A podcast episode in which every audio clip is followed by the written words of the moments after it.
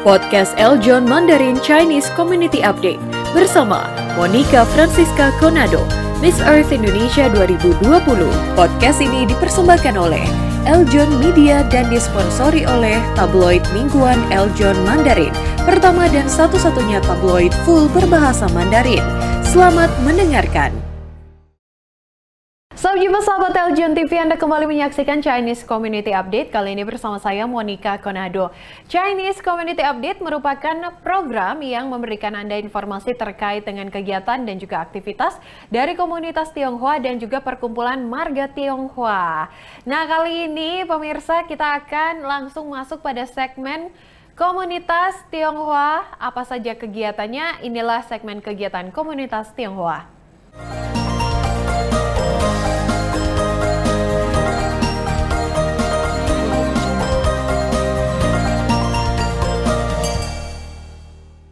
Informasi pertama, sahabat Eljon datang dari pengusaha Tionghoa di Kudus yang membagikan beras dan masker sebagai bantuan bagi masyarakat yang membutuhkan tentunya di saat pandemi COVID-19 saat ini.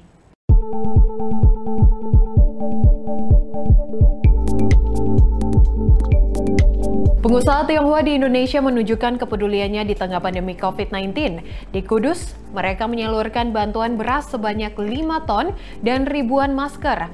Bantuan tersebut merupakan upaya untuk membantu warga yang terdampak kasus COVID-19 di Kudus yang belum juga usai. Bantuan tersebut dikoordinasi Persatuan Islam Tionghoa Indonesia atau PT, sedangkan untuk penyerahan bantuan dilakukan di kediaman Ketua PT Kudus Peter Muhammad Faruk. Uh, hari ini dapat apa aja ya Mbak? Alhamdulillah dapat bantuan uh, COVID ini kan terus isinya ini sembako, ada beras, ada masker. Ya. Nah, terima kasih. Ya. Bantu. Semoga bisa membantu. Terus ke depannya semoga COVID-nya cepat pergi gitu, nggak Hmm. balik lagi. Oke.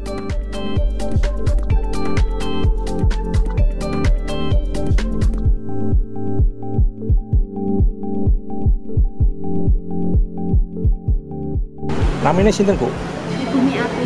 Miati. Oke. Bu ini eh, ambil apa ini Bu? Ini. Bantuan Bu. Oh. bantuan bantuan sampai Bapak. Pak Weter. Nggih, Pak Perso, motor semua. Ye, dengan adanya bantuan seperti ini gimana Bu perasaannya Bu? Senang? Ra, alhamdulillah matur suwun pati ngeten iki mboten saged madang dados mboten saged madang nggih Nggih, suwun. setiap hari ini pekerjaannya apa? Pun nganggur kok, Pak. Nggih. Judulnya kerja di mana? Pun mboten gadah bojo. Oh, ngoten. Oh, ngoten. Nggih. Untuk bansos pagi ini Pak, eh, berapa bungkus yang diberikan Pak dan targetnya ke siapa aja Pak? Oh, jadi untuk khusus eh, bansos ini itu eh, dari pengusaha Tionghoa dari pusat Jakarta. Ya kalau ini kita perbantukan atau ini eh, per sak per plastiknya ya per paketnya ini beras 10 kilo plus masker 10 dan ini kita bagikan eh, dari PT yang diserah tugas untuk membagikan ini satu salah satu dari eh, dari kelompok anu ya kelompok persatuan Islam. Islam juga ada yang dari PSMPI juga ada yang dari Buddha nah ini kita khusus dari PT kita eh, membaginya di kecamatan Kaliwungu Oh, ya gitu. Berapa bungkus yang dikasih ke Pak untuk yang ini? kita terima jumlah beras yang kita terima 5, 5 ton eh, dibagi 10 jadi 500 paket Pak harapannya Pak dengan adanya ini kan eh, Kudus jadi zona merah Pak. Dan banyak eh, mereka-mereka itu yang dirumahkan Pak. Harapannya dengan adanya bansos seperti ini Pak? Ya mudah-mudahan bisa membantu orang-orang yang dirumahkan ya. jadi kita ini pada dasarnya membantu orang-orang yang eh, sifatnya yang minus lah ya. Terutama orang-orang tua orang jumbo dan janda-janda yang kita utamakan. Sahabat Eljon dari Kudus, kita berpindah ke Sukabumi. Lima perkumpulan warga Tionghoa di Sukabumi berinisiatif membantu pemerintah daerah kota Sukabumi dalam memenuhi kebutuhan obat antivirus COVID-19 bagi penderita yang menjalani perawatan maupun isolasi mandiri dengan memberikan 100 box obat jenis oseltamivir kepada perwakilan Dinas Kesehatan dan juga Satuan Tugas COVID-19 Kota Sukabumi. Seperti apa? Informasi selengkapnya kita saksikan Saksikan tayangan berikut ini. Dampak kenaikan kasus COVID-19 di Sukabumi tidak hanya menyebabkan keterisian rumah sakit atau bed okupansi rate penuh, tapi juga berdampak pada kekosongan stok obat-obatan penanganan COVID-19. Di kota Sukabumi sendiri sempat terjadi kekosongan obat antivirus, terhitung sejak akhir Mei hingga bulan Juni 2021 lalu karena menunggu suplai prioritas dari Provinsi Jawa Barat. Untuk itu, lima perkumpulan warga Tionghoa di Sukabumi berinisiatif membantu pemerintah daerah kota Sukabumi dalam memenuhi kebutuhan obat antivirus COVID-19 bagi penderita yang menjalani perawatan maupun isolasi mandiri dengan memberikan 100 box obat jenis oseltamivir kepada perwakilan Dinas Kesehatan dan Satuan Tugas COVID-19 Kota Sukabumi bertempat di ruang pertemuan perkumpulan warga Tionghoa di Jalan Pajagalan, Nyomplong, Kota Sukabumi. Sekretaris lima perkumpulan warga Tionghoa Sukabumi Hasan Ihsan mengatakan pihaknya tergerak menggandeng Dinas Kesehatan dan Satgas COVID-19 Kota Sukabumi untuk membantu masyarakat Sukabumi yang membutuhkan obat antivirus COVID-19 tersebut. Eh, warga masyarakat yang semakin membutuhkan pertolongan-pertolongan, hmm. ya mungkin kita juga tergerak untuk tetap berpartisipasi, hmm. uh, memberikan bantuan, khususnya mungkin dalam bentuk obat. Hmm. Dan uh, rasanya obat kan tidak bisa langsung kita salurkan ke masyarakat, jadi kita berkolaborasi dengan dinas kesehatan, di mana obat yang dibutuhkan itu bisa tersalurkan ke masyarakat hmm. khususnya memang yang sakit dan membutuhkan hmm. itu yang melatar belakang kita memberikan bantuan hmm. ya. Sementara itu juru bicara Satuan Tugas COVID-19 Kota Sukabumi, Wahyu Handrianda mengatakan sangat berterima kasih kepada lima perkumpulan warga Tionghoa Sukabumi yang sudah membantu dalam memenuhi obat yang menurutnya masih sangat susah didapat. Ini gitu ya. Dan berterima kasih kita mendapatkan respon dari uh, lima perkumpulan ya, INTI, terus PMTI, ya, KK dan teman-teman yang bersedia untuk membantu kami uh, penyediaan uh, antivirus ini meskipun dalam kondisi oseltamivir memang juga sangat susah hmm. uh, di pasaran. Hmm. Nah, memang untuk bulan Juli ini kami sudah mendapatkan juga pasokan dari uh, provinsi meskipun uh, jumlahnya terbatas. Hmm. Ketersediaan obat tersebut memang sangat dinamis. Namun sejauh ini Dinas Kesehatan Kota Sukabumi sudah berkoordinasi dengan pemerintah Provinsi Jawa Barat dan Kementerian Kesehatan dalam upaya bantuan penanganan pandemi COVID-19. Informasi tadi sekaligus juga mengakhiri segmen kegiatan komunitas Tionghoa. Tetaplah bersama kami dalam Chinese Community Update.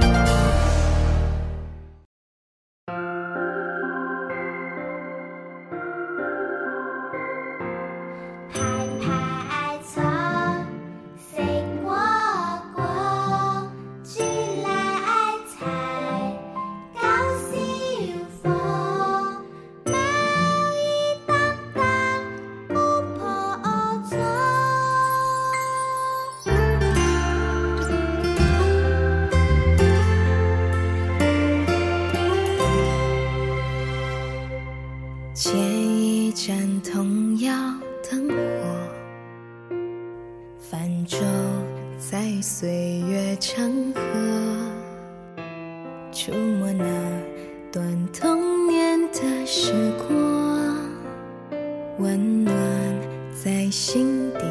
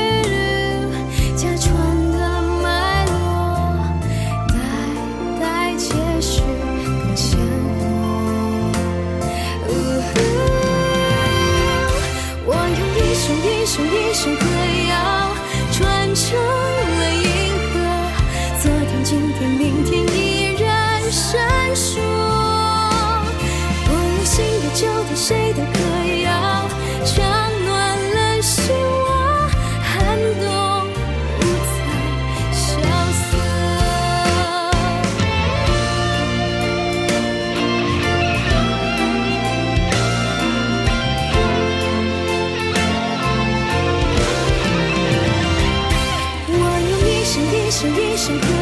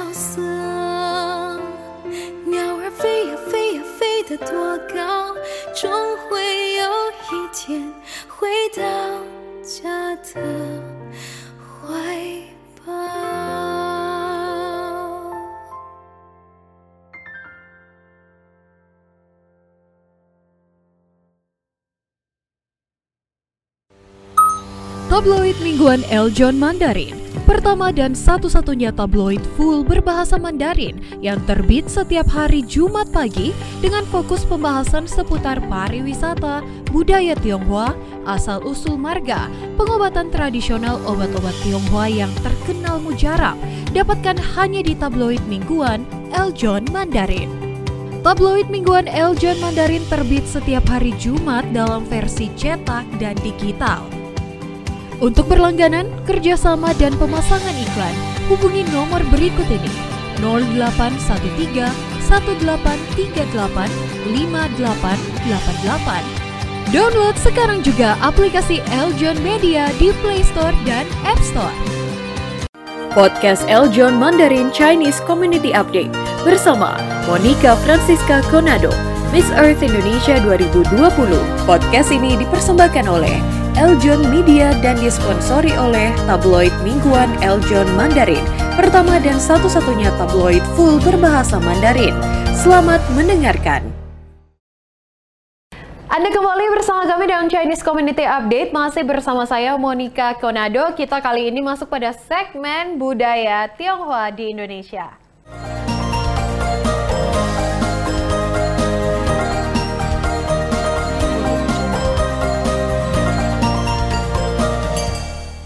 Pada segmen budaya Tionghoa di Indonesia kali ini kita akan mengikuti tayangan atau informasi terkait dengan tiga motif batik tulis lasem yang terpengaruh dari budaya Tionghoa. Batik lasem seperti apa arti dan maknanya? Penasaran? Jangan ke mana-mana, kita langsung saja saksikan tayangannya berikut ini.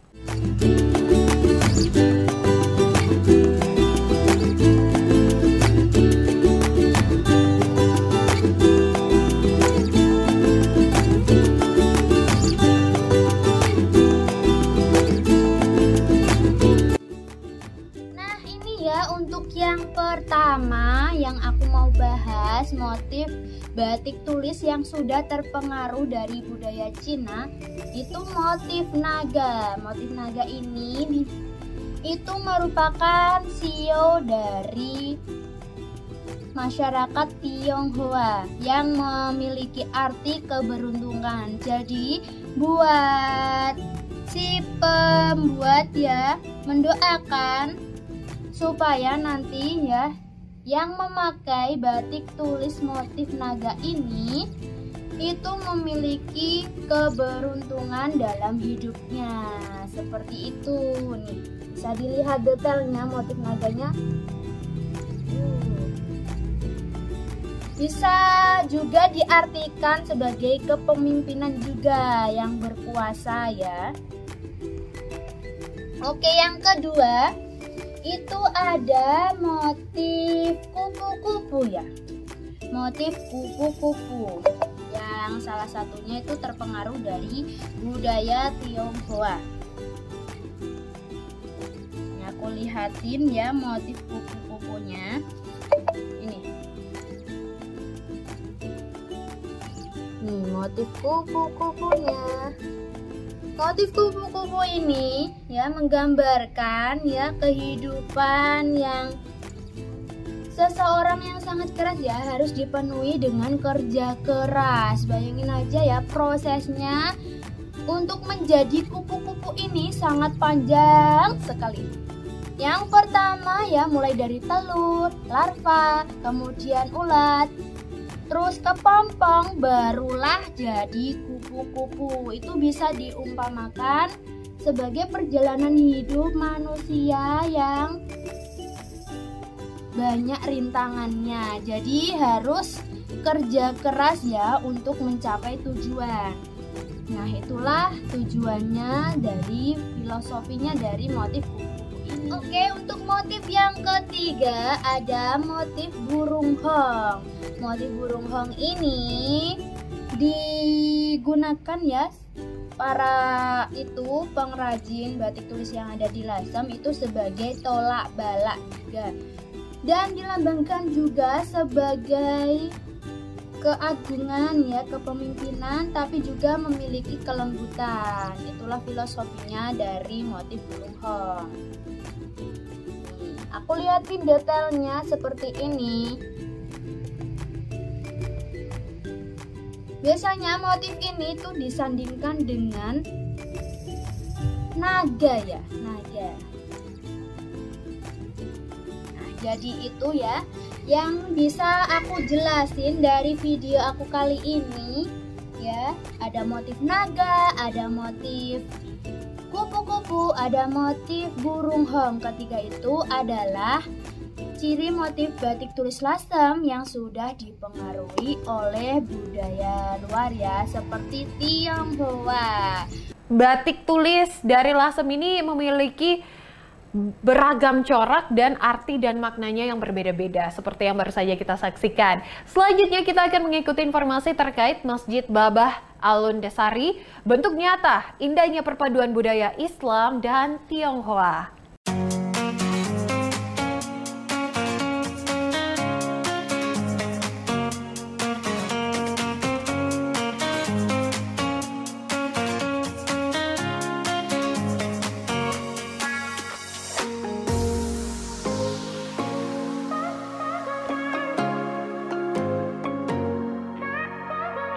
Nah sobatku sekarang gue udah sampai di Masjid Babah Alun Desari nih. Nah ini memang masjidnya itu terletak di persis di samping tol dan cukup menarik perhatian ya karena desain arsitekturnya itu bernuansa oriental. Nah kalau misalkan kalian pengen tahu detail tentang masjid ini, gue abis ini mau ketemu pendirinya nih. Langsung aja yuk. Sebelum ketemu sama pendiri Masjid Babah Alun, kita keliling dulu yuk sobatku. Masjid yang berdiri di atas tanah sekitar 450 meter persegi ini memiliki keunikan dari segi arsitekturnya. Selain bentuk yang menyerupai bangunan etnis Tionghoa, masjid ini diperindah dengan ornamen-ornamen negeri tirai bambu pada bagian jendela dan pintu masjid, serta diperkuat dengan warna merah dan kuning yang mendominasi. Di area ini terdapat tiga bangunan. Bangunan utamanya yaitu masjid, ada minimarket, dan juga gedung serbaguna. Lokasinya yang terletak di pinggir tol menjadikan tempat ini cocok banget buat kamu yang ingin mampir untuk sholat atau sekedar istirahat dan membeli makan atau minuman. Nah, halo Sobat Kuy. Nah, sekarang saya udah bersama dengan Pak Haji Muhammad Yusuf ya Pak.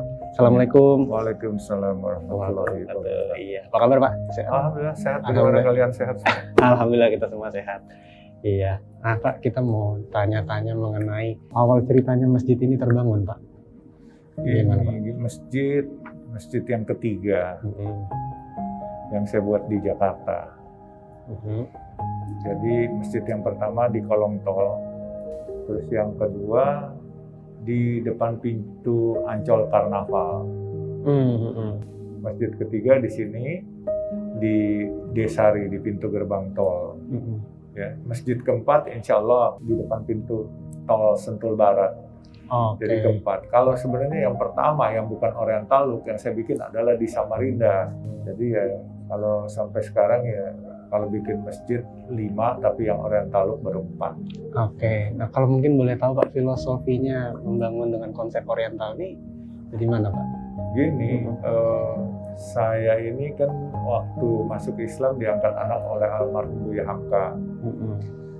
Buya Hamka ingin eh, saya melakukan sesuatu buat Islam, yaitu pertama saya harus mengharumkan nama Islam.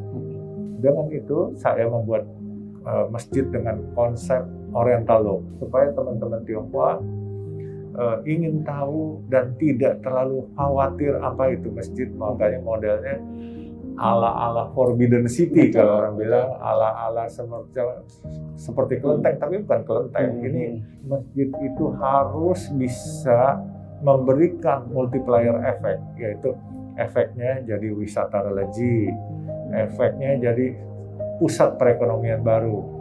Di mana dengan jadi wisata religi adik-adik kita warga sekitar bisa menjual makanan, minuman, dan cenderamata kepada pengunjung, Hmm. kepada turis-turis Nusantara, turis-turis mancanegara.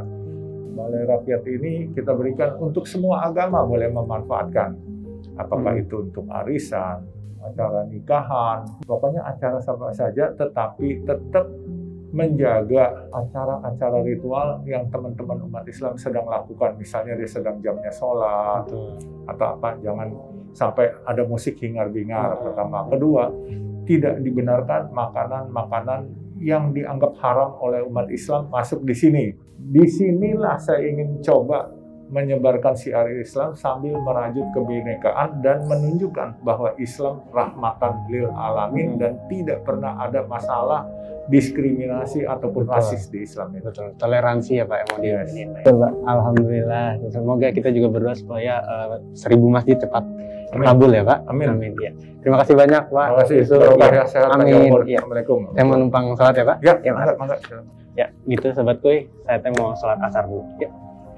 Ah, Sobat Kuy, gue baru aja selesai sholat di sini. Ini masjid memang cukup menarik ya. Kalau misalkan kalian belum pernah, wajib banget ke sini. Ini eh, tempat tepatnya persis di samping tol Desari ya, arah ke Depok. Nah ini eh, kalau buat warga Jakarta wajib banget ke sini. Nah Indahnya kerukunan di Indonesia. Di negeri kita tercinta, negara Indonesia.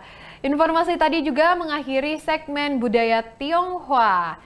Pada episode kali ini, tetaplah bersama kami dalam Chinese Community Update. Terima kasih telah mendengarkan podcast Eljon Mandarin Chinese Community Update.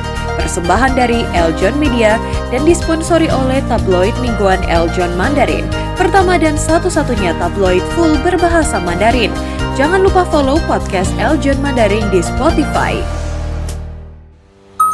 Tabloid mingguan Eljon Mandarin Pertama dan satu-satunya tabloid full berbahasa Mandarin yang terbit setiap hari Jumat pagi dengan fokus pembahasan seputar pariwisata, budaya Tionghoa, asal-usul marga, pengobatan tradisional obat-obat Tionghoa yang terkenal mujarab, dapatkan hanya di tabloid mingguan Eljon Mandarin.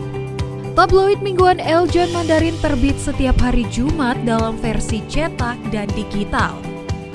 Untuk berlangganan, kerjasama, dan pemasangan iklan, hubungi nomor berikut ini 0813 1838 5888 Download sekarang juga aplikasi Eljon Media di Play Store dan App Store.